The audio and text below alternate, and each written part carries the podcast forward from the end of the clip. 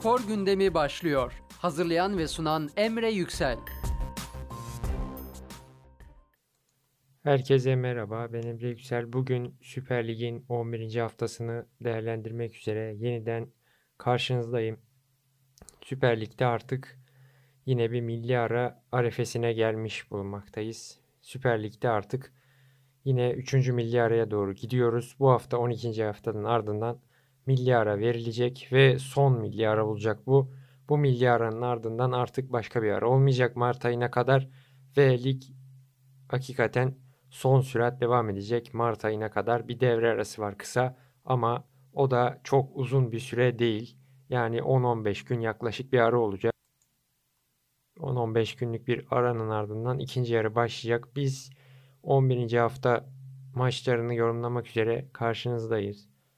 11. haftayı yorumlayacağız. 11. haftada neler oldu, neler bitti hepsini konuşacağız. Liderlik el değiştirdi.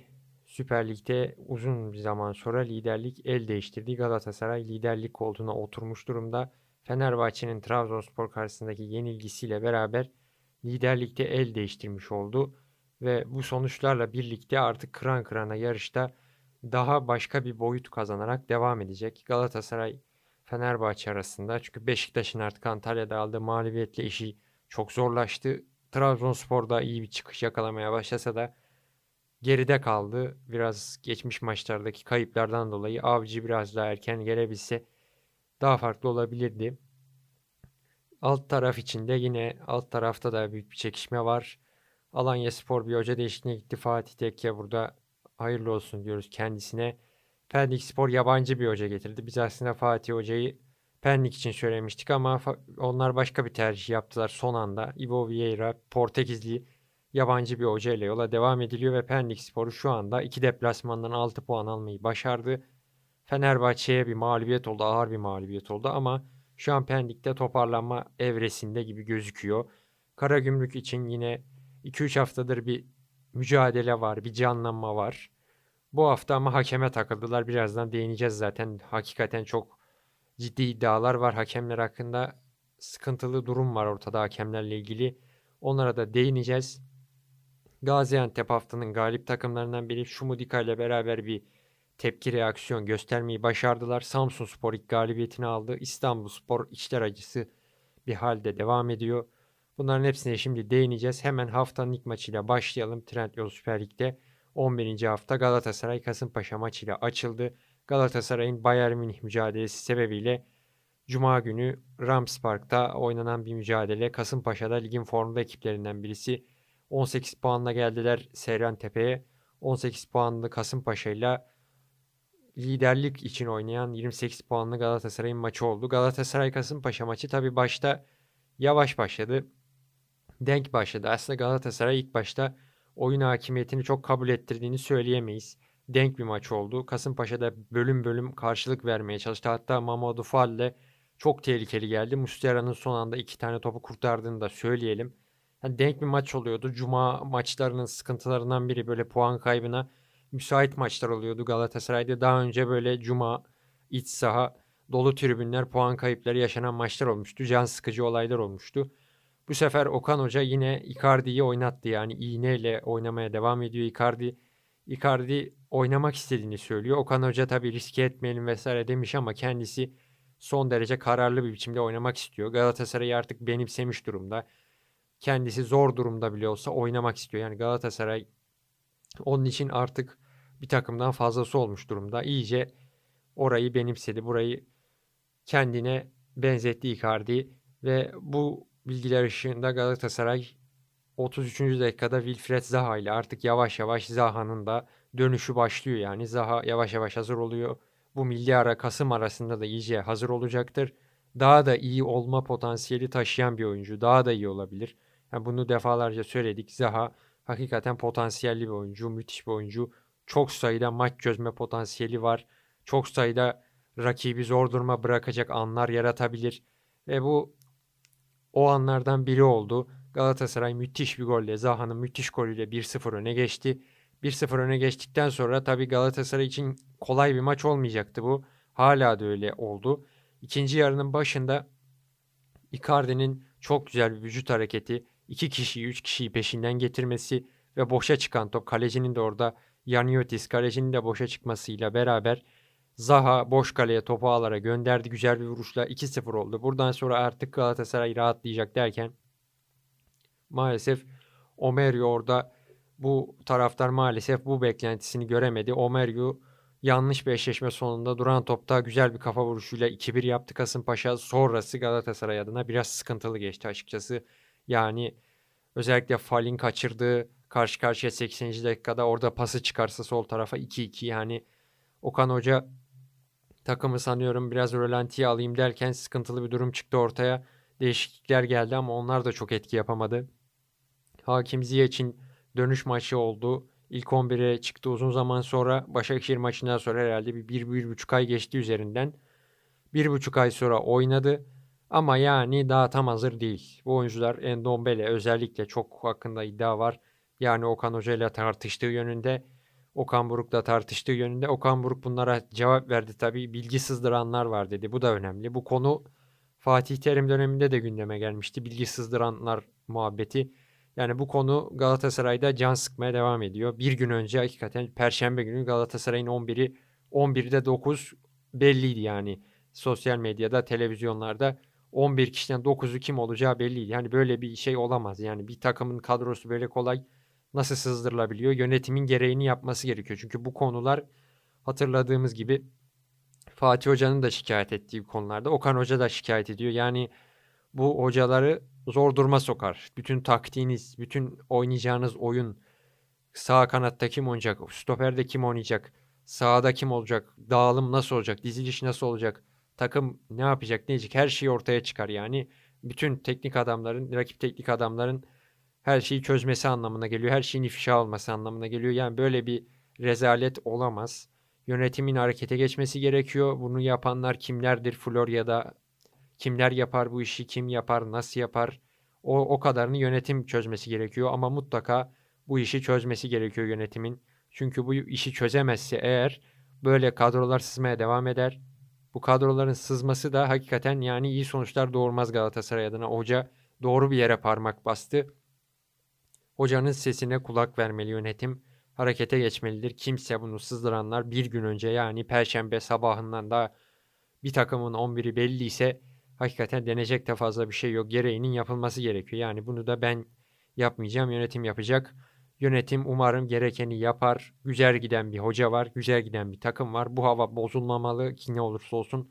Hocanın morali bozulmamalı. Takımın morali bozulmamalı. Yarın bir Bayern Münih maçı var. Bayern öncesi yine kadro sızarsa yine can sıkıcı olaylar çıkabilir ortaya.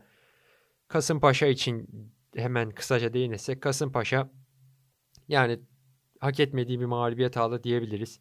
Çok güzel oynadılar yine. iyi mücadele ettiler. 18 puandalar. Güzel bir yerdeler. Bu hafta böyle oldu. Galatasaray'a mağlup olabilirsiniz. Hele Galatasaray'ın sahasında puan almak bu sezon çok zor. Yani bir gol attın yetmiyor. Beşiktaş'ta mesela derbide gol attı 10 kişi ama yetmedi. Böyle oluyor. Futbol bu. Rams Park'ta puan almak istiyorsan 3 gol, 2 gol, 3 gol bulman gerekiyor. Trabzonspor'da Kadıköy'de ancak 3-2 kazanabildi. Bunu da söylememiz gerekiyor. Büyük takım deplasmanları böyle oluyor. Böyle geçiyor bu sene. Bu bilgiler ışığında Galatasaray 31 puana yükseldi. Liderliğe yükseldi. Okan Hoca, Okan Buruk basın toplantısında belki de bu hafta lider olacağız. Bir daha Fenerbahçe'ye vermeyeceğiz demişti. Tabi espri anlamında demişti ama gerçek oldu hakikaten. Gerçek oldu. Trabzonspor'un galibiyetiyle Fenerbahçe ikinciliğe düştü. Galatasaray liderliğe yükseldi. Şimdi bir Bayern Münih maçı var. Bayern Münih maçında da temsilcimize başarılar diliyoruz. Saat 11'de hakikaten. Biraz geç zorlu Avrupa seyahatleri başlıyor. Sonra hemen cumartesi Hatay Spor maçı. Takımı yoracak. Umarım doğru rotasyonlar yapılır. Mustera da sakatlandı geçmiş olsun diyoruz. Mustera'yı umarım yeniden sahalarda görürüz yakında. Bayern maçında Günay olacak ama son bilgiler iğneyle de olsa Mustera'nın oynamak istediği yönünde. Bakalım Mustera'nın oynaması Bayern maçında iyi olabilir. Çünkü Günay'ın daha Davinson Sanchez, Abdülkerim bu ikiliyle fazla uyumu yok. Bu bir sıkıntı olabilir, bir facia yapabilir yani Bayern Münih'e karşı. Olmamasını diliyoruz tabii ama Mustera umarım bir şekilde fedakarlık yapar da oynar. Galatasaray Kasımpaşa'yı 2-1 yendi. Cuma'dan haftayı lider kapattı. Cuma'dan rahat kapattı haftayı. Bu da onlar adına iyi olacaktır. Kasımpaşa ta, ligin iyi takımlarından birisi. Kayseri maçı var cumartesi günü. Kayseri maçıyla ben çıkışa devam edeceklerini düşünüyorum. Diyelim ve cumartesiye geçelim hemen. 13.30 İstanbulspor Pendikspor mücadelesi. İstanbulspor Pendikspor mücadelesinde Pendikspor yeni hocasıyla Ivo Vieira ile Konya deplasmanıyla siftah yapmıştı. Sonra ağır bir Fenerbahçe mağlubiyeti. Daha sonrasında İstanbulspor maçı geldi çattı. İstanbulspor maçında da hakikaten müthiş bir Pendikspor vardı. Özellikle bir dönem Beşiktaş'ta forma giyen Wellington harika bir maç çıkardı. Hakikaten bir gol, iki asist, iki gol, bir asist. Müthiş bir oyun ortaya koydu. Gerçekten kendisini tebrik ediyoruz. Pendik Spor'da sahanın en iyilerinden biriydi. Erencan yine genç forvet çok iyi bir gol attı. İlk golü çok iyiydi. Yine onun dışında da çok gezgin bir rolde oynadı. Yani aldı verdi. Paslaşmalarda etkindi. Sahanın her yerinde vardı. Çok etkin bir oyun ortaya koydu. Kendisini de tebrik ediyoruz. Pendik Spor'da Turam sonradan girdi golünü attı ve Pendik Spor mücadeleyi 4-2 kazandı. İstanbul Spor'da kaptan Rossa, Roxa dışında hiç kimse hakikaten reaksiyon gösteremedi. Arnavut kaptan Rossa dışında. Yani böyle İstanbul Spor'un işi çok zor. Yani bir galibiyet geldi Ankara gücüne karşı ama sonra devamı gelmedi. İki maç iki yenilgi maalesef. Yeni hoca da çare olamadı gibi duruyor. Küme düşecekler gibi duruyor. Bir an önce toparlanmaları gerekiyor. Bu nasıl olacak böyle bilmiyorum açıkçası. 5 puanda kaldılar. Bir takımda bir reaksiyon yok, bir hava yok, ruh yok, istek arzu yok. Pendik'e karşı çok önemli bir maça çıkıyorsunuz. Pendik Spor'a karşı. Ama maalesef isteksiz bir takım, ruhsuz bir takım hayata veda etmiş. Lige veda etmiş bir takım havası var İstanbul Spor'da. Pendik Spor'un iştahlı baskılı oyununa cevap veremediler. Pendik Spor'u da tebrik edelim. Güzel bir oyun ortaya koydular. Harika bir maç çıkardılar. Bol gollü, güzel, keyif veren bir maç oldu. Beklentilerin üstüne çıktı. Ivo Vieira hocayı da tebrik edelim. Geldi gelir gelmez Portekizli hoca. Takımı bir silkeledi, ayağa kaldırdı. Önce Konya'da değerli bir galibiyet. Şimdi de yenmeniz gereken böyle maçları kümede kalmak istiyorsanız böyle maçları kazanmanız gerekiyor. Yani Pendik Spor bunu yaptı. İstanbul Spor'u yendi. En yakın rakiplerinden biriydi. Puan farkını rakibiyle 5'e çıkardı. Küme düşme hattından çıkamamışlar maalesef. Bu hafta çıkamamışlar ama umarım çıkacaklardır. Şu an tam üstündeler. Yeni hoca ile beraber fazla da bir taraftar desteği alamadılar şu ana kadar. Statlarında oynayamadıkları için. Bundan sonra da artık statlarında oynayacaklar. Pendik Büyükşehir Belediye Belediye Stadyumunda. Yani bakalım artık neler olacak. Pendik'in ligde kalma ihtimali var. Yeni hoca değişimi iyi oldu. Bu bakımdan takım bir kendine geldi. Takım bir potansiyelli oyuncular var. Onlar bir ne ol, olduğunun bir farkına vardılar. Burası Süper Lig yani. Süper Lig'de düşmek istemiyorsanız bu maçları almanız gerek. Bu maçları almanız şart. Bu şekilde Pendik Spor puanla 10 yaptı. İstanbul Spor'un hali işler acısı maalesef. İstanbul Spor'da işler iyi gitmiyor. Hakan Yakın hoca da hoca değiştiren takımlardan biri İstanbul Spor çare olamadı. Bakalım yani İstanbul Spor da haftaya Rize'ye gidiyor pazar günü. Rize'de düşüşte, İstanbulspor da düşüşte. İki takım içinde zor maç olacak. Pendik Spor pazar 13.30 Samsun Spor'u konuk edecek. Çok önemli bir maç yine Samsun Spor ilk galibiyetini aldı İstanbul'a da.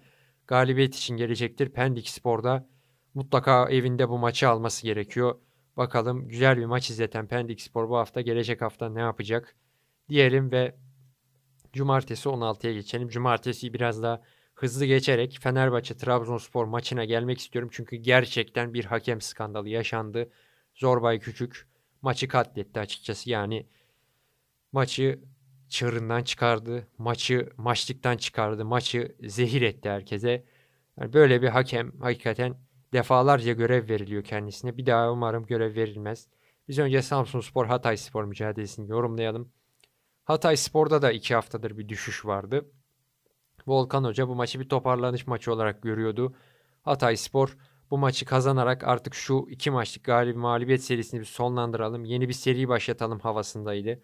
Galatasaray maçı öncesi zor bir maç öncesi. Samsun nispeten kolay duruyordu ama Samsun'un durumu nedeniyle zor geçeceği çok belliydi bu maçın. Samsun Spor da artık şehir. Yani burada 2-3 hafta önce dedik bu sahada olmalı. mutlaka şehrin destek vermesi gerekiyor. Taraftarın destek vermesi gerekiyor. Bu takımın bu durumdan kurtulması gerekiyor. Yani bu gidişat gidişat değil. Mutlaka Samsun Spor'un bir ayaklanması gerekiyor demiştik ama yine stat boştu. Maalesef çağrı karşılık bulmadı sanıyorum. Yönetimin yaptığı, oyuncuların yaptığı çağrılar karşılık bulmadı. Yine boşluklar vardı. Samsun Spor geçmiş haftalara göre biraz daha iyi oyun ortaya koydu. Yani ilk yarıda kaçan goller oldu. Kaçan pozisyonlar oldu. Özellikle bunlara değinmek istiyorum. Şinitler, Emre Kılınç bunlar önemli gollerden yararlanamadılar. Kaleci çıkardı, vurdu, karambol dışarı derken hakikaten Samsun ahvah edeceği goller kaçırdı. İlk yarı bu şekilde sona erdi. Samsun Spor ilk yarıda gol bulamadı. Hatay Spor çok etkisizdi. Yani bir iki 35'ten sonra kontrolü aldı ama hakikaten çok etkisiz bir Samsun Spor vardı. Böyle niye oluyor? 3 haftadır bir takımda bir düşüş var. Bunu Volkan Demirel'in irdelemesi gerekiyor. Çünkü bu bu tehlikeli bir hal alabilir. 14 puan hala çok rahatlayacağını söyleyemeyeceğim. Küme düşme hattıyla arasında 4 puan var. Hani Rize, Hatay 14, Sivas 14. Bunlar 14 puan şimdi güvenli baraj gibi duruyor ama değil. Yani Pendik'te orada 10 puanda. Başakşehir var vesaire. Güvenli bir puan ortalaması değil şu anda. Ama Hatay toparlanır diye düşünsek de ikinci yarıda yine 55'e kadar kötü bir Hatay Spor. Yani bu kadar kötü bir futbol beklemiyordum Hatay Spor'dan bu hafta. Samsun geldikçe geldi. Onlar kaçırdı Hatay Spor attı. Onlar kaçırdı Hatay Spor. En sonda attı Lam Kelze. Kanat oyuncusuyla Hatay Spor öne geçti. Ancak bu dakikadan sonra da yani Hatay birkaç fırsat yakaladı bitiremedi. Son pasları yapamadı derken Hatay Spor 1-0'da kaldı. Maçı bitiremedi. Maçı bitiremeyince de Samsun Spor maça ortak oldu. Samsun Spor hemen beraberliği yakaladı. Ercan Kara ile penaltıdan 77. dakikada bir penaltı. Tabi buna yorum yapmak gerekirse basit bir penaltı gibi duruyor maalesef. Bu basit penaltıyı niye çaldı hakem anlamak zor. Var niye çağırmadı. Yani basit bir penaltı verilmemesi gerekiyor. Hani ikili mücadele gibi. Temas da çok doğru dürüst ben göremedim. Niye böyle bir karar alındı anlamak zor derken Ercan Kara 1-1 yaptı. Sonra maç tam anlamıyla bir gitgele döndü. Kaçan pozisyonlar, çıkan kartlar tam bir kaos havası oldu. Samsun'da gergin bir hava oluştu. Taraftar da gol beklerken takımından 90 artı 9 hakikaten müthiş bir son. 90 artı 3'te Hatay Spor inanılmaz bir gol kaçırdı. Lamkel Z ile dönüşü hatta 2-3 dakika sonra dönüşü Schindler müthiş kontrol, müthiş vuruş ve 2-1 kazandı Samsun Spor. Sevinç görülmeye değerli. Şehrin, taraftarın, hocanın, yedek oyuncuların, as oyuncuların sevinci görülmeye değerdi. Samsun Spor hakikaten bu galibiyeti hak etti artık. Haftalardır bu durumu hak etmediklerini söylemiştik. Toparlanmaları gerektiğini söylemiştik. Yani mutlaka bir ivmelenme yaşayacaklardı bir yerde ama artık çok geç kalınmıştı. Bugüne nasipmiş Samsun Spor galibiyeti ilk galibiyetini aldı. Çok önemli bir zamanda tam milyar öncesi evinde Hatay Spor gibi bir takımı yenerek çok değerli bir galibiyet aldı ve 5 puana çıktı. Daha da İstanbul Spor'la yarın eksik maç olduğunu da söyleyelim. Pendik'le de hafta sonu kritik bir maç. Bu maçta çok önemli olacak. O maç iki maçtan 6 puan alırsa Samsun Spor bir şeylerden bahsedebiliriz. Ligde kalma adına. Ama bu galibiyet çok önemliydi. Bu galibiyet kesinlikle gerekiyordu. Bir yerde bu inmelenme yaşanacaktı. Şimdi yaşanması çok isabetli oldu Samsun Spor adına. Umarım bundan sonra artık ligde kalabilirler. Yani Hatay Spor için de 3 haftadır bir düşüş var. Bunun toparlanması gerekiyor Volkan Hoca'nın. Bunu analiz edeceğini düşünüyorum. Galatasaray maçına hocanın motive olacağını düşünüyorum. Geçmiş olaylardan da dolayı Galatasaray'a karşı motive olacağını düşünüyorum. Taraftarın motive olacağını düşünüyorum. Takımda Joelson Fernandez kırmızı gördü. Tabi biraz hasar da aldı Hatayspor.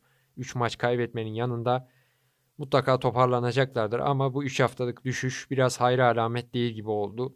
Umarım toparlanabilirler diyelim ve işte Fenerbahçe Trabzonspor maçına geçelim artık. Fenerbahçe Trabzonspor maçı yani bir hakem skandalı futbol son dakikalara kadar müthiş keyif verdi. Hop oturup hop kalktı herkes. Müthiş bir maç oldu ama bir hakem çıktı işte. Bir hakem maçın önüne geçti. Henüz Santra'dan itibaren Fenerbahçe coşkulu başladı maça. Yani Fenerbahçe'nin coşkusu görülmeye değerdi. Yine Kadıköy'de ilk 15 dakika golü atalım da işimizi bitirelim havasında bir Fenerbahçe vardı. Ama öyle olmadı maalesef. Çabuk bir hata ile gol çabuk bir hatayla gol yediler. Ve bu da takımı bozdu açıkçası. Yani Samet, BK ve Ciku'nun yokluğunda orada oynuyor. İsmail Hoca mecbur kaldı. Ama hakikaten yani böyle kötü bir maç çıkarması da çok üzücü oldu. Milli oyuncumuz sonuçta bize daha Galler maçlarında lazım olabilirdi. Milli takımda yine Montella oynatacaktır ama yani şu Fenerbahçe performansı içler acısı. Visca yani sakatlıklar 3 kere 4 kere sakatlıklarla boğuşan Visca'nın topa atıp kendisini peşinden koşturması hakikaten yani denecek fazla bir şey yok. Yani Visca'dan da bu çalımı yiyorsanız karşılık veremiyorsanız o orta onu açu müthiş bir gol attı. Zaten maçtan önce Trabzonspor'un kadro olarak çok ağır basmadığı ortadaydı. Yani hoca farkıyla durumu dengeleyebilirlerdi. Abdullah Avcı bu maçlarda çok iyi analiz yapan, çok hakikaten planlarını düzgün yapan, dersine çalışan bir hoca. Ve İsmail Kartal açıkçası bu maçta gafil avladı diyebiliriz. Yani İsmail Hoca sanıyorum ben bir şekilde gol atarım diye çıkmış maça ve çok baskılı başladılar. Sonra dönüşü bir top kaybı işte. Arkanızda Samet Osterwolde gibi ağır oyuncular olunca böyle sıkıntılar yaşıyorsunuz. Onaçu, Visca gibi hızlı oyuncular da boğuşan oyuncular da rakiple olunca bir anda kendinizi geride buluyorsunuz ve Onaçu çok güzel bir gol attı. 1-0 öne geçti Trabzonspor.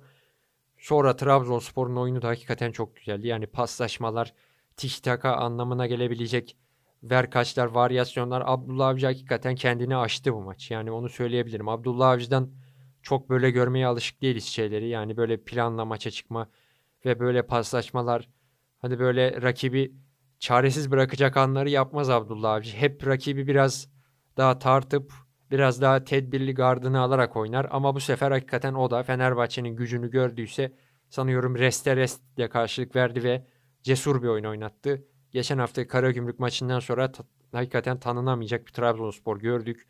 Çok iyi bir Trabzonspor gördük. Hakikaten Nicolas Pepe bile hazır değildi. Ona rağmen müthiş bir oyun oynadı. Kendisi de elinden geldiğince kaldığı süre müddetçe boyunca süper bir oyun oynadı. Hakikaten Pepe'yi de tebrik edelim buradan. Kendisi umarım daha da ileri gidecektir. Bu forma süreleri artmaya başladı. Bu maçta iyi bir süre aldı ve bundan sonra Konya maçta Cuma günü yine Abdullah Avcı arttıracaktır süresini diye düşünüyorum.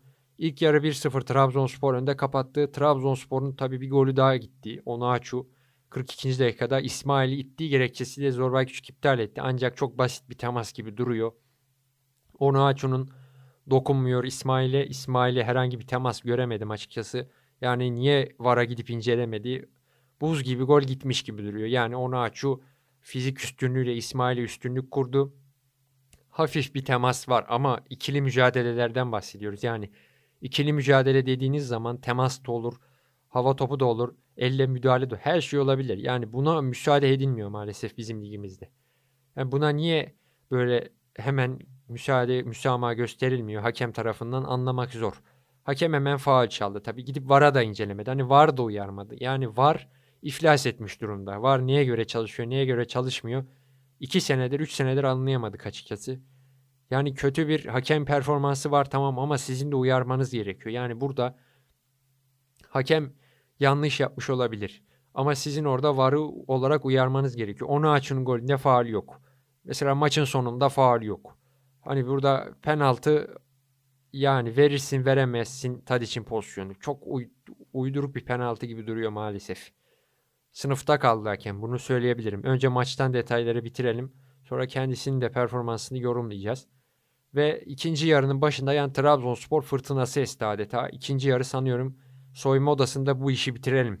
1-0'da kalmayalım dedi Abdullah Avcı. Ki çok baskın bir Trabzonspor gördük. Berat Özdemir geri döndü Trabzonspor'a müthiş bir gol attı. Hakikaten o topa öyle kavis vermek, falso vermek, Livakovic gibi bir kaleciyi çaresiz bıraktı. Müthiş bir gol attı. 2-0 yaptı Trabzonspor.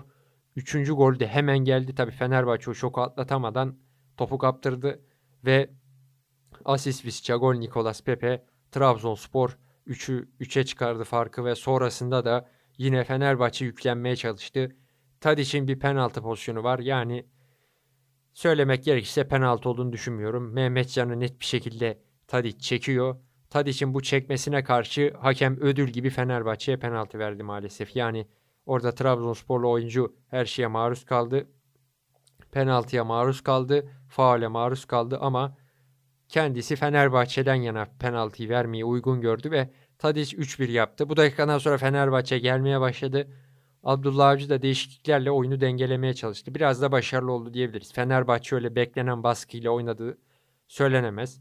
Ferdi'nin bir pozisyonu var. Uğurcan'ı çıkardı. Orada belki de maçı kurtardı Uğurcan. 3-2 olsa o baskıyla Fenerbahçe Kadıköy'de kaotik bir ortam olur. Geri dönebilirdi.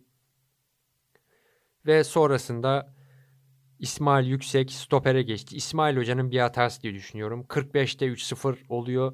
75'e kadar beklemek bir hata. Zayitsiz çıkarmamak ayrı bir hata. Sonra onu çıkarıp İsmail'i stopere çekmek çok çok büyük bir hata. Tamam eksiksiniz. Fred, Bekavcıkı bunlar kolay eksikler değil ama sizin de rakibe göre önlem almanız gerekiyordu. Yani bu maç Osterwolde, Samet hani Osterwolde orada olmaz. Oraya Adana Demirspor maçında artık başka bir çözüm bulmaları gerekiyor yani. Bu şekilde olmaz. Osterwolde çok ağır kalıyor. Onu açı resmen perişan etti. Yani bir sağ kanattan Trezeguet, sol kanattan Visca çok yordu.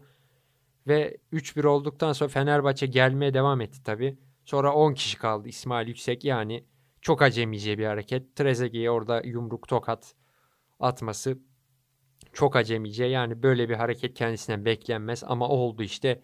İkinci sarı kırmızı kart. Fenerbahçe 10 kişi sonra iyice oyundan düşen bir Fenerbahçe son dakikalarda bir penaltı yine. Tabi sonra Tadiç kaçırdı penaltıyı. Penaltıyı kaçırdıktan sonra maalesef Zorbay Küçük yine bir skandal kararı imza attı. Yani kimse ortada yokken, kimse içeri girmemişken penaltıyı tekrarlattı. Yani neye göre tekrar etti onu da göstermediler. Kaleci Uğurcan kurallara uymuş gibi duruyor. İçeriye de çok giren yok gibi duruyor. Yani kendisi yine yanlış bir karara imza attı ve esas skandala gelmek gerekirse maçın sonunda Trabzonspor Enis'le 4-2 yaptı ve orada faul tespit etti Zorbay Küçük. Trezeguet'in topu alırken Mert Müldür'ü ittirdiğini söyledi. Tamam ittirme var da hani orada da penaltı var. Yani bunu da atlamamamız gerekiyor. Tabii iki takım adına da çok hatalar oldu Zorbay Küçük'ün. Kimse memnun değil. Kimse memnun değil hakemden. Fenerbahçe'de Trabzonspor'da şikayetçi. Baştan bir gün önce açıkçası böyle olacağı belliydi. Ali Koç'un açıklamaları, Trabzonspor'un umarım biz bu tiyatroya kurban gitmeyiz şeklinde açıklamalarıyla ortam zaten gerilmişti. Zorbay Küçük de iki sene önce yine bir Fenerbahçe Trabzonspor maçı yönetmiş. Hakikaten rezil bir maç çıkarmıştı. İrfan Can'a gösterdiği kırmızı kart hala akıllarda. Ve yine bu maça vermek hakikaten TFF'ye ne denir bilmiyorum yani. Başarısız bir federasyon var. Umarım yakın zamanda bir değişiklik olur yani. Çünkü kimse memnun değil. Herkes açıklama yapıyor. Trabzon, Karagümrük, Fenerbahçe alt liglerde açıklama yapan takımlar var. Yani bu federasyondan kim memnun ben açıkçası onu merak ediyorum. Kimseyi görmedim yani şu ana kadar memnun olan bu federasyondan. Ve Trabzonspor 3-2 kazandı. Hakikaten hak ederek kazandı. Bu maç Abdullah Avcı Trabzonspor müthiş oynadılar. Nasıl oynanması gerekiyorsa öyle oynadılar. Başka türlü zaten Kadıköy'den 3 puanı bırak 1 puanı bile alamazdı. Bulduklarını attılar. Bu çok önemli. Bu sene Rams Park'ta, Kadıköy'de, büyük takım deplasmanlarında şansınızın yaver gitmesi gerekiyor açıkçası. Çünkü ciddi bir kalite farkı var. Ciddi bir kalite üstünlüğü var Galatasaray ve Fenerbahçe'nin bu hala böyle. Ve siz puan almak istiyorsanız bu deplasmanlarda bulduğunuzu atmanız gerekiyor. Yani Kasımpaşa orada o golü kaçırdı 2-1 iken puan alamadı. 2-2 bitseydi orada o maç o gol sayesinde olacaktı. Belki de Kasımpaşa savunmayı da güzel yapacaktı. O gol orada kaçınca puan da alamadı. Yani mutlaka ikinci golü bulmaları gerekiyor. Bir gol yetmiyor maalesef. Rams Park'ta Kadıköy'de ve Trabzonspor 3 gol birden buldu. Hücum anlamında çok iyiydi, savunma anlamında çok iyiydi. İptal edilen gollerine rağmen basit şekilde bu maçı kazanmayı başardı. Tebrik ediyoruz Abdullah Avcı ve ekibini. Bundan sonra artık Cuma Konya maçını da kazanıp araya gireceklerdir diye düşünüyorum. Dördüncü sıraya yükseldiler Beşiktaş'ın yenilmesiyle. Adana Demirspor'la da 2 puanlık bir fark var. Abdullah Avcı yavaş yavaş takımı rayına oturtuyor. Önemli olan da bu. Trabzonspor bundan sonra artık bir yola girecektir. Belli bir istikrar yakalayacaktır. Seri yapacaktır. Neye yeter neye yetmez o tartışılır. Ama en azından Trabzonspor bu sezon ilk 3'te bitirmeye şansını yeniden kanıtlamış oldu. Bir ikincilik şansını yeniden hatırlamış oldu. Fenerbahçe adına Fenerbahçe eksiklerin de biraz kurbanı oldu. Yani Fred, BK, Ciku bu eksiklikler takımın %60-70'i demek. Bunlarsız maça çıkmak Fenerbahçe'yi çok zorladı. Yerine oynayan oyuncular Zayt, Osterwolde, Samet. Üçü de berbat bir akşam çıkardı. Zayt zaten çok kötüydü. Osterwolde, Samet'i zaten anlattık. Onu açıyor. Trezeguet'e, Visca'ya karşı varlık gösteremediler. Ve Fenerbahçe'nin yenilmezliği bitti. Trendyol Süper Lig'de Fenerbahçe 10'da 10 yapmıştı. 11. haftada kaybettiler. Yine bir Trabzonspor maçı liderliği Galatasaray'a kaptırdı. Geçen sene de ondan önceki sene de yine böyle olmuştu. Trabzonspor maçları Fenerbahçe'ye uğurlu gelmiyor. Biraz daha netli bir seri yaşıyor. Fenerbahçe Trabzonspor karşısında liderliği kaptırmaya devam ediyor ve düşüş de başlıyor genelde. Umarım bu sefer öyle olmaz Fenerbahçe adına. Çünkü şimdi Adana deplasmanı da var. Takım Ludogorets'e de gidecek perşembe günü. Buradan hemen bu takımın ayağa kalkması gerekiyor. Çünkü bu takım eğer sakatlıklara aldanıp takılıp ve takımda olumsuz bir hava başlarsa, hocanın morali bozulursa, hoca yanlış tercihler yapmaya başlarsa yani geçen seneki gibi Joyce dönemindeki bir dağılma, Galatasaray'dan 3 yeme gibi bir olaylar olursa artık şampiyonluğa elveda eder Fenerbahçe. Bu sezon çünkü çok kayıp olmayacak. Böyle maçlarda kayıplar oluyor. Trabzon, Adana, Beşiktaş bu tarz maçlarda olacaktır ama Anadolu takımlarına karşı puan kaybetmemesi gerekiyor. Hatta bu maçtan sonra Adana Demirspor'da yenmesi gerekiyor Fenerbahçe'nin. Çünkü Galatasaray Hatay Spor'a karşı kazanma ihtimali bence yüksek. Kazanacaktır diye düşünüyorum. Bir şekilde hani 66 saat sonra sert bir deplasman ama Galatasaray'ın ben bir şekilde kazanacağını düşünüyorum. Fenerbahçe'nin artık bu da hata yapmaması gerektiği anlamı taşıyor. Yani siz bir puan kaybı da hele bir de Adana Demirspor'a yenilirseniz daha 4 puan. Hani Kadıköy'de de maçınız var ama Kadıköy'de de geçen sezon Galatasaray'ın 100-0 kazandığını hatırlatalım. Fenerbahçe'nin çok iyi çalışması gerekiyor derbilere. Bu derbiye pek iyi hazırlanıldığını düşünmüyorum açıkçası. Çünkü rakibin yapacağı şeyler belli. Arkaya top atacak. Onu açıya topla buluşturup gol attırmaya çalışacak Visca. Buna çok iyi önlem alındığını düşünmüyorum. Ama bunun için İsmail Hoca suçlu değil. Çok eksik vardı. Çok da maç içinde hakikaten çok değişik seanslar, sekanslar oldu. İsmail Hoca'yı da aşan durumlar oldu belli yerlerde. Tek hatası 75'e kadar beklemek ve İsmail'i stopere çekmek oldu. Buradan sonra hocanın dersleri alacağını düşünüyorum ama Adana Demirspor maçında başka bir takım görebiliriz. Adana Demirspor maçını alıp Fener'in kendini araya atması durumunda Bek Ciku dönecektir. BK'nın durumu daha uzun sürecek gibi duruyor maalesef. Kendisine geçmiş olsun diyoruz. Umarım döner. Ciku ve Fred'in durumları ama düzelecek gibi duruyor. Onların dönüşüyle Fenerbahçe daha bir yine eski görüntüsüne kavuşacaktır. BK'nın yokluğunda da devre arası bir stoper alınacaktır mutlaka. Mutlaka devre arası iyi bir stoper alacaktır Fenerbahçe. Bu artık kesinleşti. İsmail Hoca da bu istekte bulunacaktır diye düşünüyorum. Çünkü BK'nın 2-3 ay olmayacağı konuşuluyor. Şimdi 2-3 ay olmadığı zaman bir stoperiniz sizin araya kadar bir şekilde gelmeniz gerekiyor. Samet'in kötü performansı çok can sıktı Fenerbahçe'de. Şimdi Samet'in iyi oynaması demek Fenerbahçe'nin artı bir yerli rahatlaması demek. ileriye bir yabancı daha demek. Ve sizin 3 ay kafanızın başınızın ağrımaması demek. Ama Samet berbat bir akşam ortaya koydu. Bakalım İsmail Hoca Ludogorets'te ne yapacak? Nasıl bir tercih yapacak? Kritik bir maç o da. Fenerbahçe'nin kazanması durumunda gruptan çıkması artık kesinleşir. Burada Ludogorets maçını almak gerekiyor. Şimdi bu maç artık geride kaldı. Taraftarın desteğiyle maç sonu oldukça güzeldi. Fenerbahçe taraftarı inandı bu sene yani taraftar bu sene bu mağlubiyete rağmen inandığını gösterdi. Önceki senelerde böyle mağlubiyetlerde istifa sesleri hemen yükseliyordu. Kaotik bir ortam oluşuyordu. Zor aşılacak bir ortam oluşuyordu. Stat boş oluyordu. Bir sürü şey oluyordu. Yani taraftar bu sene inandığını, olabileceğini böyle mağlubiyetlerin daha önce de olduğunu, uzun normal sezonda böyle olabileceğini taraftarın oyuncularına göstermesi oyuncuları da mutlu etti görüldüğü kadarıyla. Ve artık Fenerbahçe bu maçı unutup önüne bakması gerekiyor. Adana Demirspor maçı alınmalı. Ludogorets'i de yenip gruptan çıkarsa araya moralli girecektir bu maç. Unutulur eğer iki maçı kazanırsa. Dedik ve Trabzonspor'u tekrar tebrik ettikten sonra Fenerbahçe için toparlanılırsa çok büyük bir sorun olmayacağını ama bu maça bu maçtan dersler alınmazsa ilk büyük maçta ilk büyük maçta büyük maçlarda nasıl oynanması gerektiğini öğrenmesi gerekiyor Fenerbahçe'nin.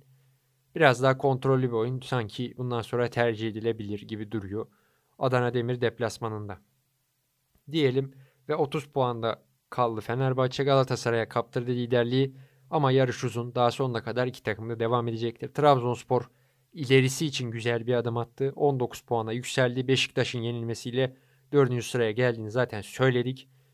Ve pazara geçelim. Pazar seansına geçelim. Pazar 13.30. Sivas Spor Adana Demirspor mücadelesi vardı. Sivas Spor Adana Demirspor mücadelesi izlemesi keyifli bir maç oldu. Sivas Spor Adana Demirspor maçında Sivas Spor henüz maçın başında çok iyi başladı. Koyta ile 10. dakikada dönen topta öne geçti. Ertaç'ın kurtarışı yetmedi. Daha sonraki bölümde yine Sivas Spor oyunun hakimiydi. Yani özellikle kaçırdığı fazla gol oldu. Emrah Başsan, Koyta, Sayıs hepsi çok önemli gollerden yararlanamadı. Ertaç'ın kurtarışları oldu ve farka gidecek. Hakikaten farka gidecek bir ilk yarı oldu Sivas adına.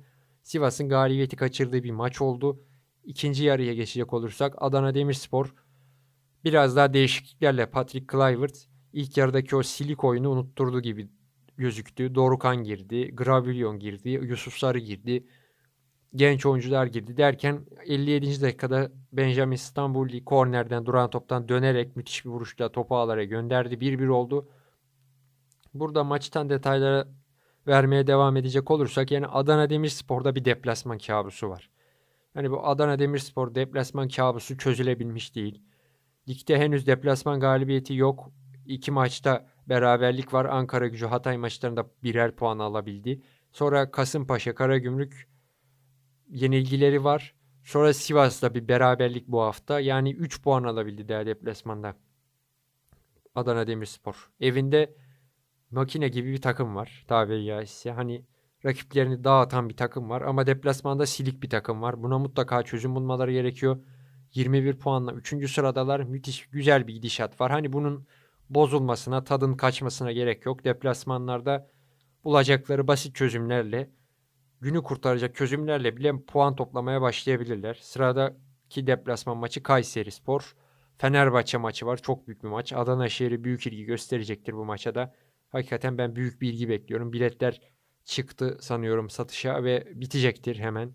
Fenerbahçe tribünde de olacaktır. Adana şehri özel hazırlanacaktır bu maça. Adana Demirspor evinde güçlü. Fenerbahçe ile biraz moralsiz yakaladı. Adana Demirspor'un bu maçı kazanabileceğini düşünüyorum. Zaten değiniriz. Sivas deplasmanında tabii son dakikalar git gele döndü. Ama başka gol olmadı. Sivas Spor saç baş yolduracak golleri kaçırdı ve maç bir birlik eşitlikle tamamlandı. Sivas Spor son haftalarda biraz daha toparlandığını söyleyebiliriz. Servet Hoca ile beraber 14 puana yükseldiler. Kritik bir galibiyet almışlardı 2 hafta önce. Çok kritik bir galibiyet almışlardı. Bu hafta da Adana Demirspor karşısında tabii iç sahada da onların sıkıntısı var. Aslında iki takımın iç sahada sıkıntısı olan Sivas Spor'la dış sahada problemli Adana Demirspor karşılaştı. Birer puan paylaşıldı. Sivas Spor kazanabilir miydi? Kazanabilirdi. Rahat kazanabilirdi ama son vuruş beceriksizliğinin kurbanı oldular. Yazık oldu. Servet Hoca ve ekibi bu maçı kazanmayı hak etmişti. Oyun olarak düzelme var. Oyun olarak bir iyileşme var Sivas Spor'da. Bir kıpırdanma var. Umarım böyle devam eder. 14 puandalar. Biraz daha rahat bir konuma geldiler aslında. 10. sıradalar.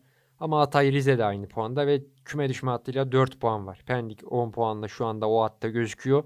Ve küme düşme hattıyla 4 puan var. Bunu da hesaba katmamız gerekiyor. Yine tedbirini alarak Sivas Spor'un önlemini alarak oynaması gerekiyor. Sivas Spor bu ligden düşmeyecektir kesinlikle. Köklü bir takım, belirli bir istikrarı olan bir takım. Her sene böyle sıkıntılar yaşayabiliyorlar ama bir şekilde toparlanıyorlar. Yine ben o sezonlardan biri olacaktır diye düşünüyorum. Kendileri gelecek hafta Sivas Spor olarak gelecek hafta deplasmanda olacaklar. Gelecek haftada Sivas Spor için zor olacak. Yine umarım atlatabilirler. Yani kendileri zor bir deplasmana gidecekler ama deplasmanda iyi oynuyorlar. Yani deplasmanda iyi olduklarını söyleyebilirim. Gelecek hafta Sivas Spor Karagümrük'le oynayacak. Yani yine Karagümrük için de önemli maç. Sivas Spor için de Sivas için söylediklerimizi Karagümrük için de söyleyelim. İki takım için de final gibi bir maç olacak adeta. Alt taraftan iyice uzaklaşabilmek adına.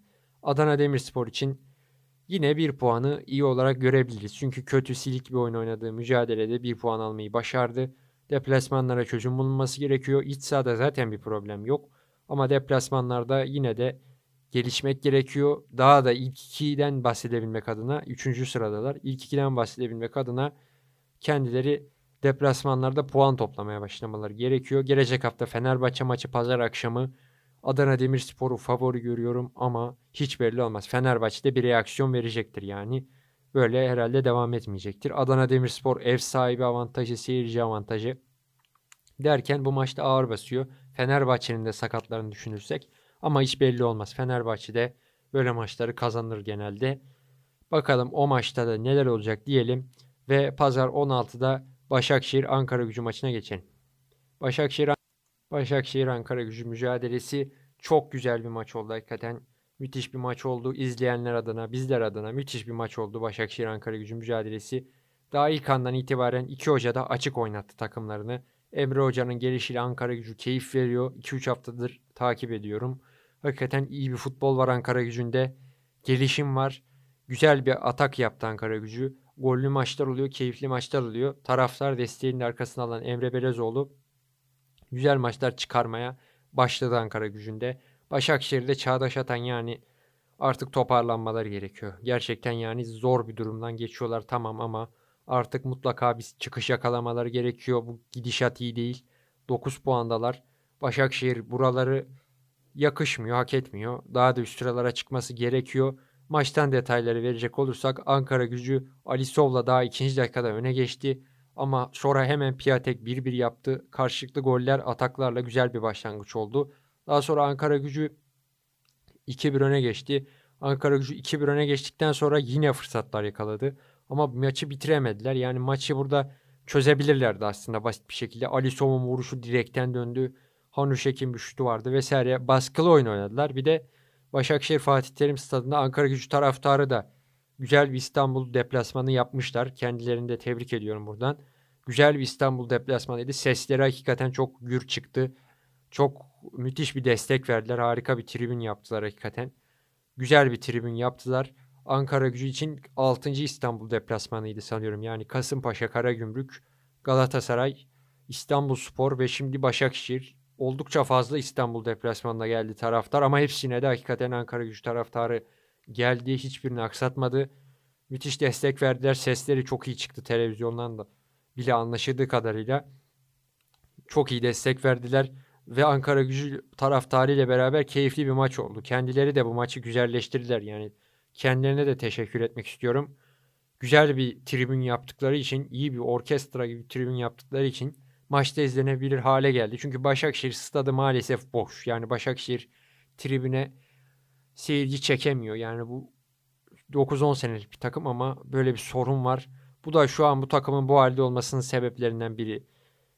Taraftar desteği gerekiyor, destek gerekiyor, seyirci desteği gerekiyor ama maalesef kendileri bundan çok uzaklar. 2-2 oldu daha sonra Piatek hesabı açtı. Aslında çok iyi bir golcü ama Başakşehir'in geçirdiği sallantılı sancılı dönemden o da nasibini aldı. Hesabı açamamıştı, gol hesabını açamamıştı ama bu hafta siftahını yaptı. Ve 2-2 devre sona erdi. Ankara gücü Başakşehir maçı süper bir maç oldu demiştik. İki hoca da açık oynadılar. Korkak oynamadılar. Çirkinleştirmediler. Kendilerine teşekkür ediyorum buradan ben. Bu bile hakikaten bu ligimiz için büyük bir nimet. Yani bunu yerde yatan takımları açıkçası kapanan hocaları takımları görünce bazen insan hakikaten üzülüyor. İyi maçlar izlemek istiyoruz. Keyifli maçlar izlemek istiyoruz. Kör dövüşü gibi maçlar izlemek istemiyoruz ve bu güzel bir örnek olur umarım. İkinci yarıda Ankara gücü baskılı oyununa devam etti ve 3-2 öne geçti. Ankara gücün 3-2 öne geçtikten sonra açıkçası ben maç artık biter diye düşünüyordum. Çünkü Başakşehir'in dağınık bir takım olması Ankara gücünün hücumlarını devam ettirdiğini görmemle birlikte bu maç artık ya böyle biter ya da Ankara gücü atar diye düşünmüştüm ama Başakşehir sürpriz yaptı. Güzel bir orta ve Figueiredo'nun tam bir golcü vuruşuyla topu ağlara göndermesiyle 3-3 oldu. Sonra hakikaten yine iyi bir sekans izledik ve maç 3-3 tamamlandı. Başakşehir 9, Ankara gücü 13 puana yükseldi. Hakikaten Ankara gücü kazanabilseydi bu maçı 7. sıraya kadar çıkma gibi bir durum olabilirdi. Çünkü Antalya Spor birazdan değineceğiz. Beşiktaş'ı yenerek 7. sıraya yükseldi. Bu da ilginç yani. Hakikaten değişik bir lig oluyor. Çok puan bareminin daraldığını alt tarafta gözlemleyebiliyoruz. Ankara gücü 13 puanı yükseldi dedik. Yine de 1 puan böyle güzel bir maçtan sonra bence kazançtır. Hakkı da sanki beraberlik yani iki takımın da hakkını yemeyelim. Güzel mücadele oldu ve güzel bir şekilde bu maçı da tamamladık. Bu maçı da tamamladık güzel bir şekilde.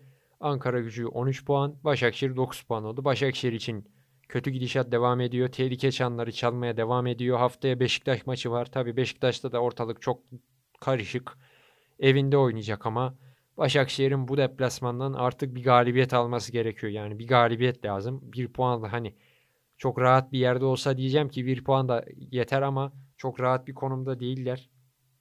Bunu söylemek istiyorum. Rahat bir yerde değiller. Küme düşme hattındalar. Şuradan bir çıkmaları gerekiyor artık. Başakşehir'e burası yakışmıyor. Umarım buradan kendilerini kurtarabilirler. Başakşehir Beşiktaş deplasmanında kazanmak zorunda. Yani artık bir puanın kurtaracağı yerleri geçtik. 12. haftaya geldik. Devrenin neredeyse ortaladık. Galibiyetlerle buradan ikinci yarıya rahat girmesi gerekiyor. Devre arası da takviye mi yaparlar? Nasıl olur? Mutlaka bir şeyler yapılacaktır ama böyle bir skandal devreden sonra mutlaka müdahale edecektir Göksel Gümüş'ta. Çağdaş Hoca da gerekeni yapacaktır. Artık Ankara gücünü 3-3'te uğurladıktan sonra bakalım neler yapacaklar. Beşiktaş maçı çok önemli.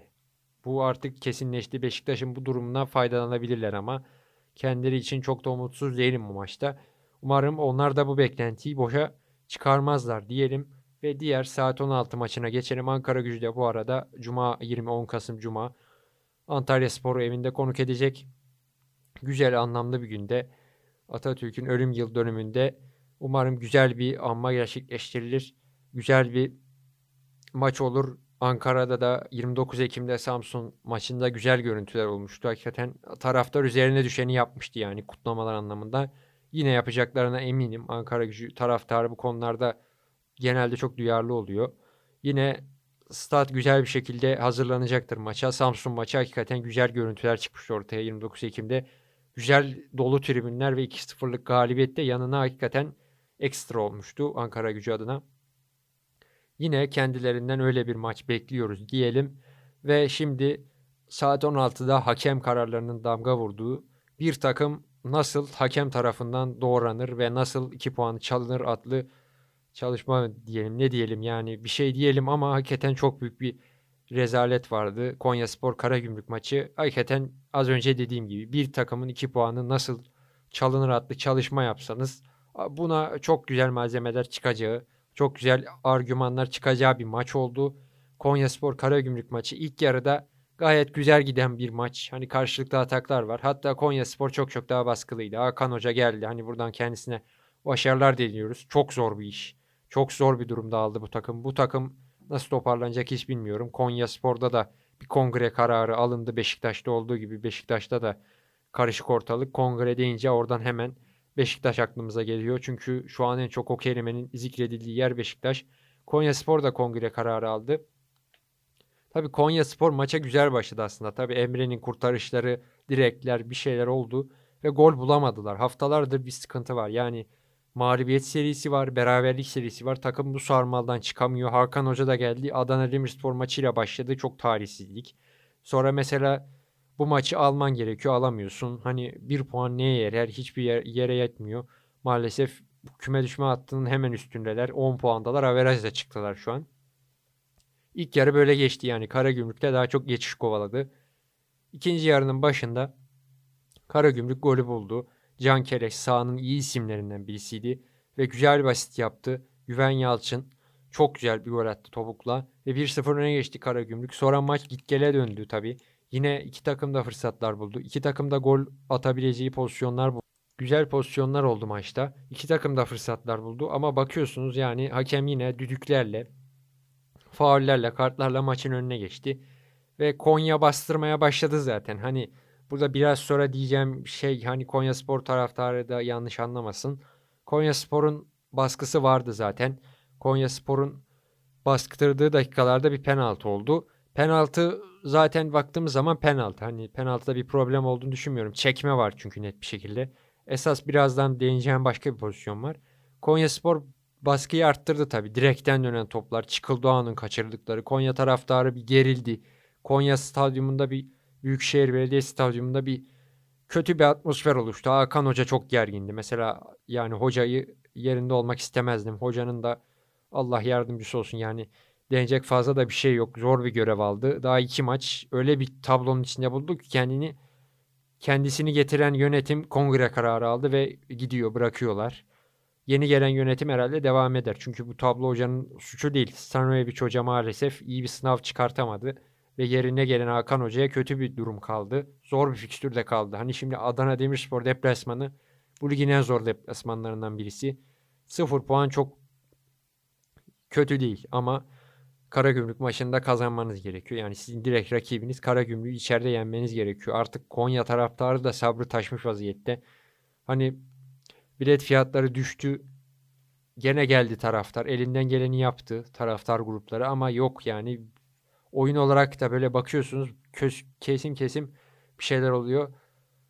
Bölüm bölüm kesim kesim bir şeyler oluyor ama devamı gelmiyor Konya Spor'da. Maalesef kötü bir durum var. Ve 1-1 oldu ama bir şekilde 1-1 yaptılar. Penaltıyı verdi hakem. VAR'a gitti. Biraz Çikareşi orada Çikareşi'yi çok gereksiz tuttu. Sokol Çikareşi'yi çok gereksiz tuttu ve 1-1 oldu maç. Hakikaten Karagümrük adına üzücü bir maç oldu. Hakem kararlarından dolayı maç 1-1 oldu. Sonra Çikareşi, Sokol Çikareşi güzel bir penaltıyla 1-1 yaptı Panenka penaltısıyla. Sonra işte bir pozisyon oldu. Yine maç bitmeden evvel Serdar Dursun ceza sahasında yerde kaldı Calvo ile mücadelesinde. Serdar Dursun'un yerde kaldığı pozisyonda hakem devam dedi. Tabi Serdar Dursun teması aldıktan sonra hemen hakeme baktı. Ya hocam bu penaltı değil mi gibisinden VAR'a gitmesini söyledi ama hakem maalesef gitmedi. Yani hakemin ne yapmaya çalıştığını anlamadık. Maçı bitirdi bir anda. VAR'a gitmedi. Yani bu penaltı nasıl verilmez? Hakikaten çok büyük hatalar yapılmaya devam ediliyor ligde. Karagümrük'ün burada penaltısının verilmemesi 2 puanın gasp edildiği anlamına geliyor. Çünkü Serdar Dursun orada o penaltıyı atardı veya bir şey olurdu. Başka biri atardı. Yani bu penaltıyı vermemek çok büyük bir skandal. Bu penaltı net bir penaltı. Çekiyor, düşürüyor da Serdar Dursun'u Konya Sporlu oyuncu ve buna gidip izlemiyor. Hani izleyip vermezsiniz. Başka bir şeyler olur. Bunlara denecek bir şey yok ama siz izlemeden bile maçı bitirdiniz. Bir uyarı bile gelmedi var odasından. Var odasında da hakikaten neler döndüğünü anlamak zor yani. Var odası maalesef kötü bir sınav çıkartıyor Trendyol Süper Lig'de ilk 11 hafta itibariyle. Çok kötü bir durum var ortada. Yani bu nasıl düzelir, ne olur, ne biter hiç bilmiyorum açıkçası. Karagümrük'ün 2 puanlı olduğu olan kendileri için üzücü. Karagümrük maçı kazanmayı hak etmiş yani.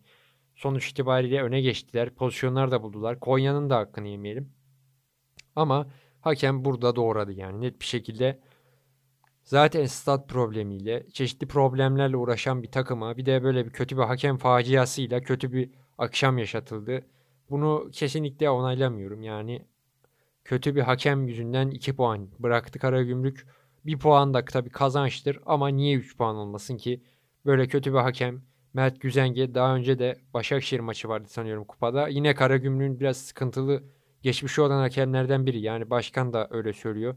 Hani artık bize yapılan hata değil diyor. Çünkü kasıt var diyor. Doğru söylüyor.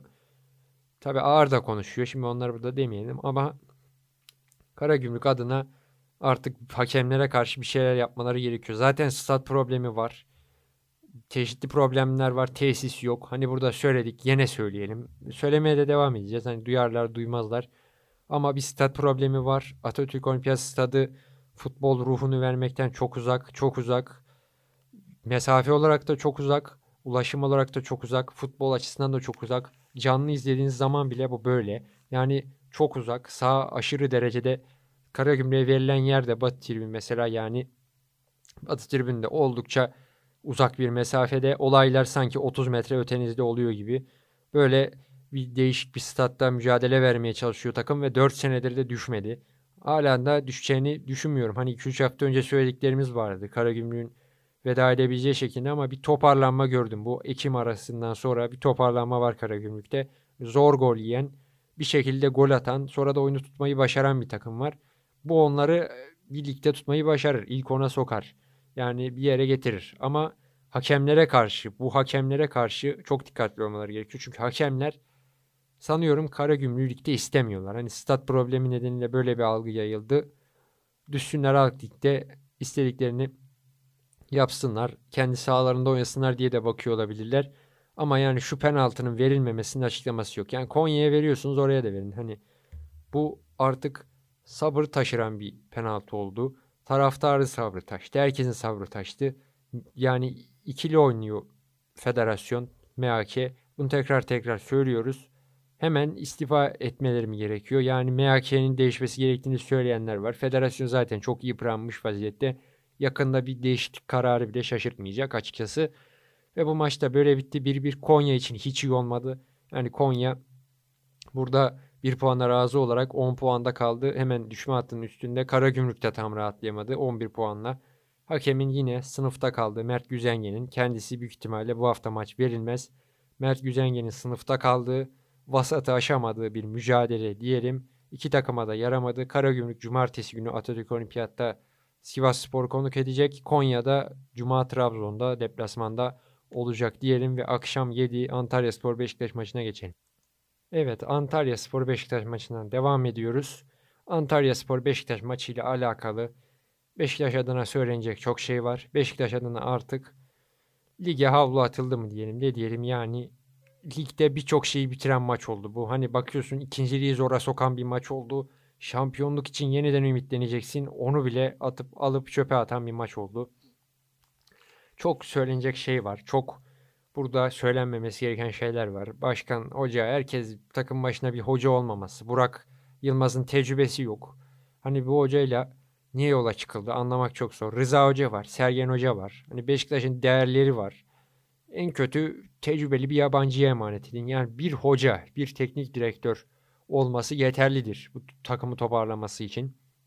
Antalya deplasmanı öncesi tabii Fenerbahçe'nin mağlubiyeti ister istemez şu kötü tabloda şu umutsuz ruhsuz takıma karşı bile taraftarda bir ufacık da olsa bir umut uyandırdı. Yani biz hadi Antalya'da kazanırsak Fenerbahçe'de yenildi. Biz 8 puana bir indirelim. İçeride de Fenerbahçe ile oynayacağız. Oradan da bir yeni başkan hocayla bir hava yakalarsak oradan bir yarışa belki dönebiliriz. Arada düzgün transferler yapabilirsek bu yaz transfer dönemi rezilliğini unutturabilirsek şeklinde bir ümidi vardı Beşiktaş taraftarının. Ama yani bu taraftara yazık. Bu taraftarın yani elinden geldiğince destek olmaya çalışıyor. Bu taraftar elinden geldiğince mücadele etmeye çalışıyor kendi adına. Yani destek veriyor, stada geliyor. Taraftar deplasman yapıyor yollarda 2-3 saat. Çok uzun yollar gidiyor. Başka fedakarlıklar yapan taraftarlar var. Ve buna karşı takım hiçbir şey veremiyor. Yani bu takım artık sabır taşırmış vaziyette. Beşiktaş'ta artık taşlar yeniden oynayacak. O, kesin. Şenol Hoca'nın bırakıp gitmesi neyi çözdü derseniz hiçbir şeyi çözmedi. Yani Şenol Hoca bence burada problem değildi. Kendisinin de tabii çok inatları, hataları oldu. Ama takım gerçekten çok vasat ve kalitesiz. Kimi getirseniz getirin artık bu takım iflah olmayacak gibi duruyor. Maalesef öyle kötü bir takım kurulmuş ki geçen sezon ikinci yarısındaki takım Redmond korunup mesela Redmond hadi Sayıs'ın gitmek istediğini söylüyoruz. Gitmek istiyordu zaten. Gidebilir. Beşiktaş yerini doldurabilecek kapasitede bir takım. Ama bakıyoruz ki Redmond'ın yerine gelen adamlar Raşitsa, Muleka, yani Rashica var, Muleka mesela var. Geçen seneden beri ne yaptı? Çok bir şey yaptığını söyleyemeyiz. Rebic şans verilmiyor. Rebic aslında fena bir görüntü çizmiyor girdiği maçlarda ama hem Şenol Hoca hem Burak Hoca kendisini kafayı taktılar sanıyorum. Çünkü defterden sildiler ya da başka bir şey oldu artık orada bilmediğimiz antrenmandan kovulduğu falan söyleniyor. Yani bu demek ki Burak Yılmaz artık kafadan silmiş, defterden silmiş kendisini. Yani bu Beşiktaş adına artık nasıl olacak bilmiyorum. Antalya deplasmanında da ilk yarı çok sıkıcı bir oyun. İzlenmeye tahammül bile edilmeyecek bir oyun. Neredeyse. Devrenin sonunda bir Cenk öne geçirdi Beşiktaş'ı ve verilmeyen bir penaltı var. Hemen ona değinmeden geçmek istemiyorum.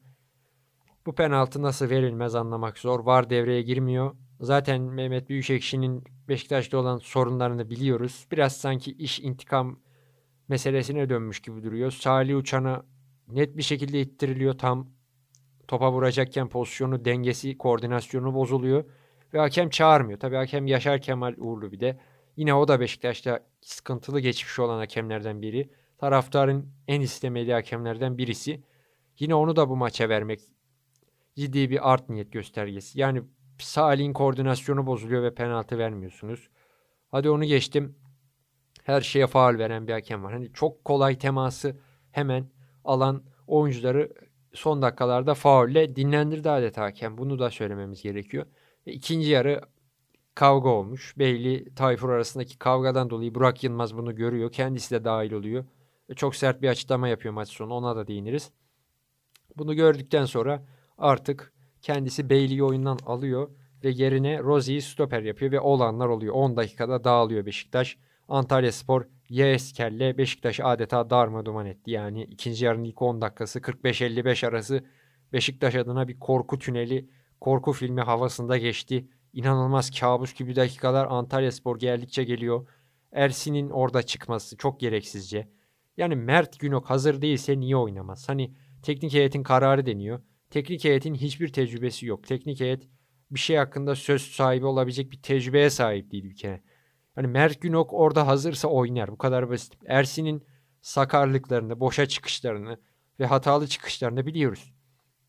Bu yani Ersin'in kötü olmasından şeyinden değil. Ersin yetersizse oyuncuya da çocuğa da zarar vermemek gerekiyor. Mert Günok hazırsa oynamalıydı. Mert Günok'u oynatmayarak Beşiktaş adeta 3 puanı aldı, ikram etti. Sadece Mert Günok olsa neyse ama bütün takım yani Rozier'si, Abu Bakar zaten sakatlanmış sanıyorum. Hastaymış. Hastalıktan döndü. Geçmiş olsun diyoruz kendisine. Ve şimdi de artık Beşiktaş adına denecek fazla bir şey kalmadı. 3 oldu bir anda maç. Sonra 3-2 Muleka Rebic'in güzel asistinde şans verilmeyen iki oyuncu güzel bir gol yaptılar. Güzel bir kombinasyonla güzel bir gol attırdılar Beşiktaş'a. 3-2 olduktan sonra Beşiktaş yüklendi ama açıkçası hiçbir şey yaramadı. Ve Antalya Spor 3-2 kazandı. Rahat bir nefes aldı. Az önce de değindik. Antalya Spor 15 puanla 7. sıraya yükseldi. Antalya Spor bir anda bir yükseliş yaşadı. Beşiktaş galibiyetiyle Beşiktaş 19 puanda kaldı ve birçok şeyi bitiren maç oldu adeta. Şampiyonluğu büyük ihtimalle bitiren, ikinciliği bile çok çok zora sokan, üçüncülükte bile moral kaybına yol açan bir maç oldu Beşiktaş adına. Beşiktaş için artık hoca tartışmaları var. Yönetim Başkan Ahmet Nur Çebi az önce aday olmayacağını açıkladı. 11 senelik bir emek var iyi kötü. Yani kendisine taraftar teşekkür etmeli. Hani istifa sesleri oldu, oldu, bu oldu. Başkan camianın sesine kulak verdiği için kendisine teşekkür edelim biz de. Hani çok da inatlaşmadan gitmesi gerekiyordu ve böyle oldu. Hani Şenol Hoca, Sergen Hoca bir türlü bir istikrar tutturamadı maalesef kendisi. Hocaların da çok arkasında durabildiğini düşünmüyorum maalesef. Yani bugün Sergen Hoca'yı, Şenol Hoca'yı bir şekilde ikna edebilirdi kendisi. Hoca ile Şenol Hoca ile özellikle iyi bir iletişimi olan birisi çok çabuk pes etti. Hani enerjim bitti, hoca ayrıldı demiş ama hocayı da ikna edebilecek birisiydi kendisi ama sanıyorum baştan biraz gönülsüz de getirdiği için sanıyorum artık gidene de kal demedi. Enerjisi biten birine kal demedi. Şenol Hoca'nın gidişi tabii gitmesi gerekiyor muydu? Şenol Hoca da hatalıydı. Ama bence şu dönemde en azından şu kongreyi görmeliydi hoca. Aralık 3 Aralık'ı görseydi sonra yeni yönetim karar verebilirdi. Ve Beşiktaş birçok şeye havlu atmak üzere artık. Şampiyonluk için 4 maça çıktı 12 puan. İkincilik çok zor. Üçüncülükte Adana Demirspor var. Trabzonspor da Beşiktaş'ı geçti mesela. Yani bir an önce şu başkanlık seçimini halledip Beşiktaş'ın artık bir toparlanması gerekiyor. Beşiktaş'ı bu başkanlık olayları, hoca olayları çok yordu. Beşiktaş kendine gelmeli. Beşiktaş artık toparlanmalı diye düşünüyorum. Antalya Spor için güzel bir galibiyet. Yükseliş devam ediyor. Üst üste ikinci galibiyet oldu. Başakşehir ve Beşiktaş'ı içeride yenmek, 6 puan yazmak buraya oldukça kıymetli. Ve haftaya da Cuma günü Ankara gücü maçıyla araya girecekler diyelim. Ve Beşiktaş için son bir toparlama yapıp hemen hızlıca bitirelim. Beşiktaş umarım artık şu başkanlık olaylarından kurtulabilir. Perşembe çok kritik bir Bodo Glimt maçı var. Perşembe Bodo Glimt maçını Beşiktaş kazanamazsa hele bir de yenilirse yani Avrupa'ya veda edecek. Artık denecek fazla bir şey kalmayacak. Başakşehir maçı var ligde kazanıp araya girmesi gerekiyor. Çünkü iyice kopacak yoksa. O kaosta da nasıl olacak ama bakalım görelim. Maç başlasın. O zaman da onu yorumlarız. Ve Gaziantep Rize maçı haftanın kapanışlarından biriydi. Gaziantep rahat sonuca gitti. Hemen hızlıca geçelim maçı. Draguş ve Maxim'in penaltı golleriyle 2-0 kazandı. 12 puan yaptı, rahatladı. Biraz daha üst tarafa çıktı. Şumudika ile beraber imelenen bir takım görüyoruz. Umarım devamı gelir. Rize'de düşüş var. Rize'de çok büyük bir düşüş var. 3 haftadır yine. Hatay gibi düşüş yaşıyor. Toparlanırlar umarım. Yani böyle gitmez. O ligin başındaki Rize Spor geri gelir umarım diyelim. Kayseri Alanya maçı. Kayseri Spor Alanya Spor maçta Kayseri Spor'un müthiş yükselişi devam ediyor. Üst üste 3. galibiyet. Kemen'le orta saha ismiyle gol buldu. Bir şekilde gol atıyorlar. Orta saha, stoper, forvet iyi bir takım oldular gördüğüm kadarıyla. Sağlam duruyorlar. Gol de yememeye özen gösteriyorlar. Az gol yiyorlar. Recep Hoca, Recep Uçar güzel bir takım yarattı. Güzel bir miras yaptı. Çağdaş Atan güzel bir miras bırakmıştı. O mirası daha da güzel bir yere getirdi. Sonrası için de iyi oldu.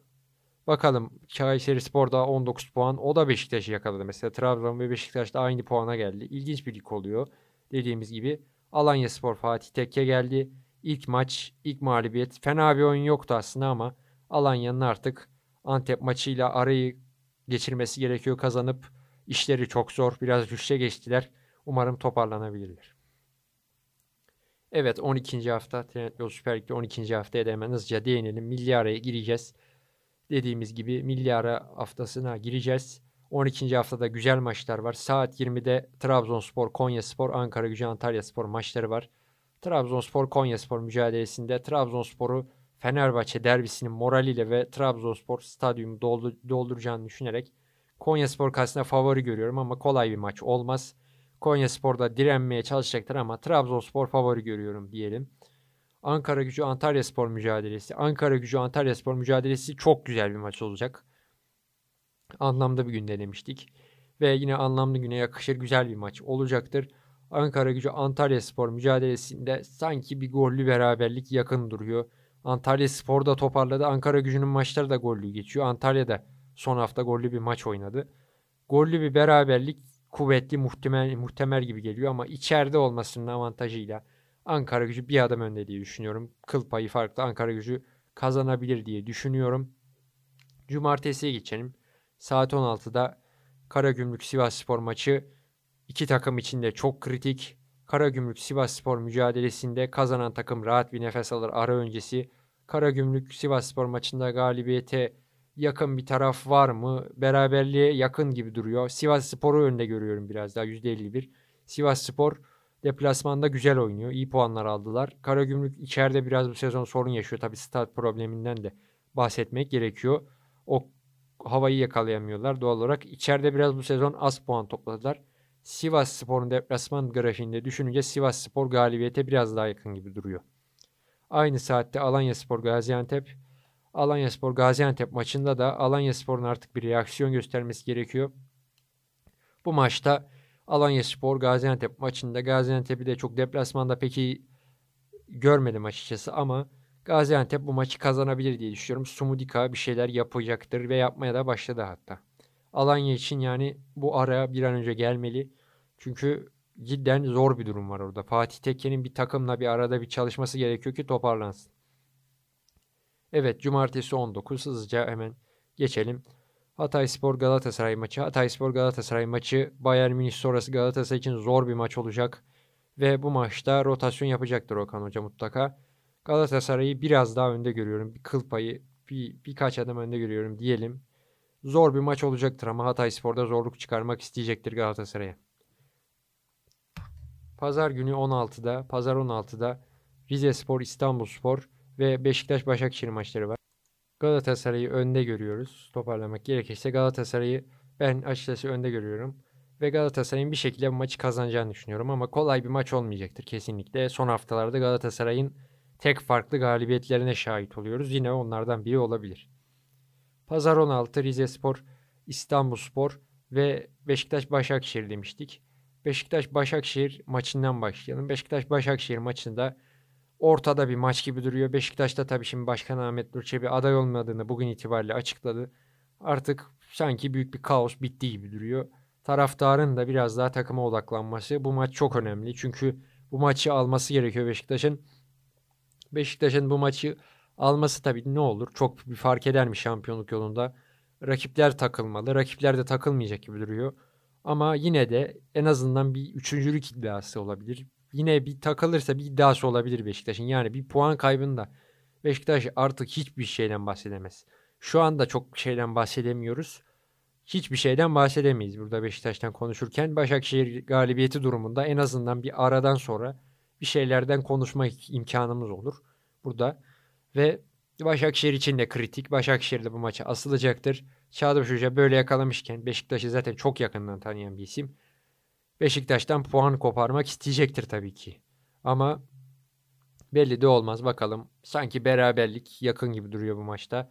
Rize Spor İstanbul Spor maçı da Rize Spor bence artık bu düşüşe bir son verecektir. İstanbul Spor kötü bir görüntüden geçiyor, dönemden geçiyor ve artık Rize Spor bu maçı kazanır diye düşünüyorum. Ve hemen son maçı da hemen yorumlayalım, kapatalım. Adana Demirspor Fenerbahçe maçı. Adana Demirspor Fenerbahçe maçı çok güzel geçecek, bol gollü geçecek. Adana Demirspor'u ev sahibi faktörü sebebiyle bir adım önde görüyorum diyelim ve Trendyol Süper Lig'de 11. haftayı yorumlamaya çalıştık. 12. hafta maçlarını da inceledik, yorumladık. Milli ara öncesi son haftaya girdik artık ve sonra milli ara verilecek. Ardından da lig yarışı daha da kızışacak gibi duruyor. Hemen son olarak 11. hafta enlerine de bakalım.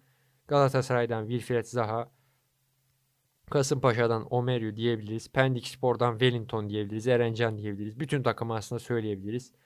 Ve Samsun Spor'dan Şintler'i söyleyebiliriz. Son dakika golünü atarak Samsun Spor'un Trendyol Süper Lig'deki galibiyet hasetini bitirdi. Ve yine Trabzonspor'dan Onuachu, Visca, Berat hepsini söyleyebiliriz. Fenerbahçe'den kimi söyleyebiliriz? Hani Fenerbahçe'de biraz kötü bir gün geçirdi herkes ama Tadic yine ayakta kalan isimlerden biri oldu. Adana Demirspor'dan Stambuli, Sivas Spor'dan Koyta ve yine Rams Başakşehir'den Piatek, Ankara gücünde de Ali Sov'u söyleyebiliriz. Ve yine daha sonra değinecek olursak Antalya Spor'dan Yeheskel, Beşiktaş'tan kimi söylemek gerekirse Beşiktaş'tan bir tek söylenecek herhalde kim olur? Cenk Tosun olur. Yani fazla da şey söylemek yetmiyor Beşiktaş adına. Cenk Tosun olabilir. Gaziantep'ten Maxim diyelim. Kayseri Spor'dan Kemen diyelim ve programımızın sonuna gelelim. Trendyol Süper Lig 11. haftasını uzun uzadıya bir saati geçtik hatta uzun uzadıya yorumladık. Trendyol Süper Lig 12. haftasında yorumladık. 12. haftanın ardından yeniden yeni bir programda görüşmek dileğiyle. Hoşçakalın. Emre Yüksel'le spor gündemi sona erdi.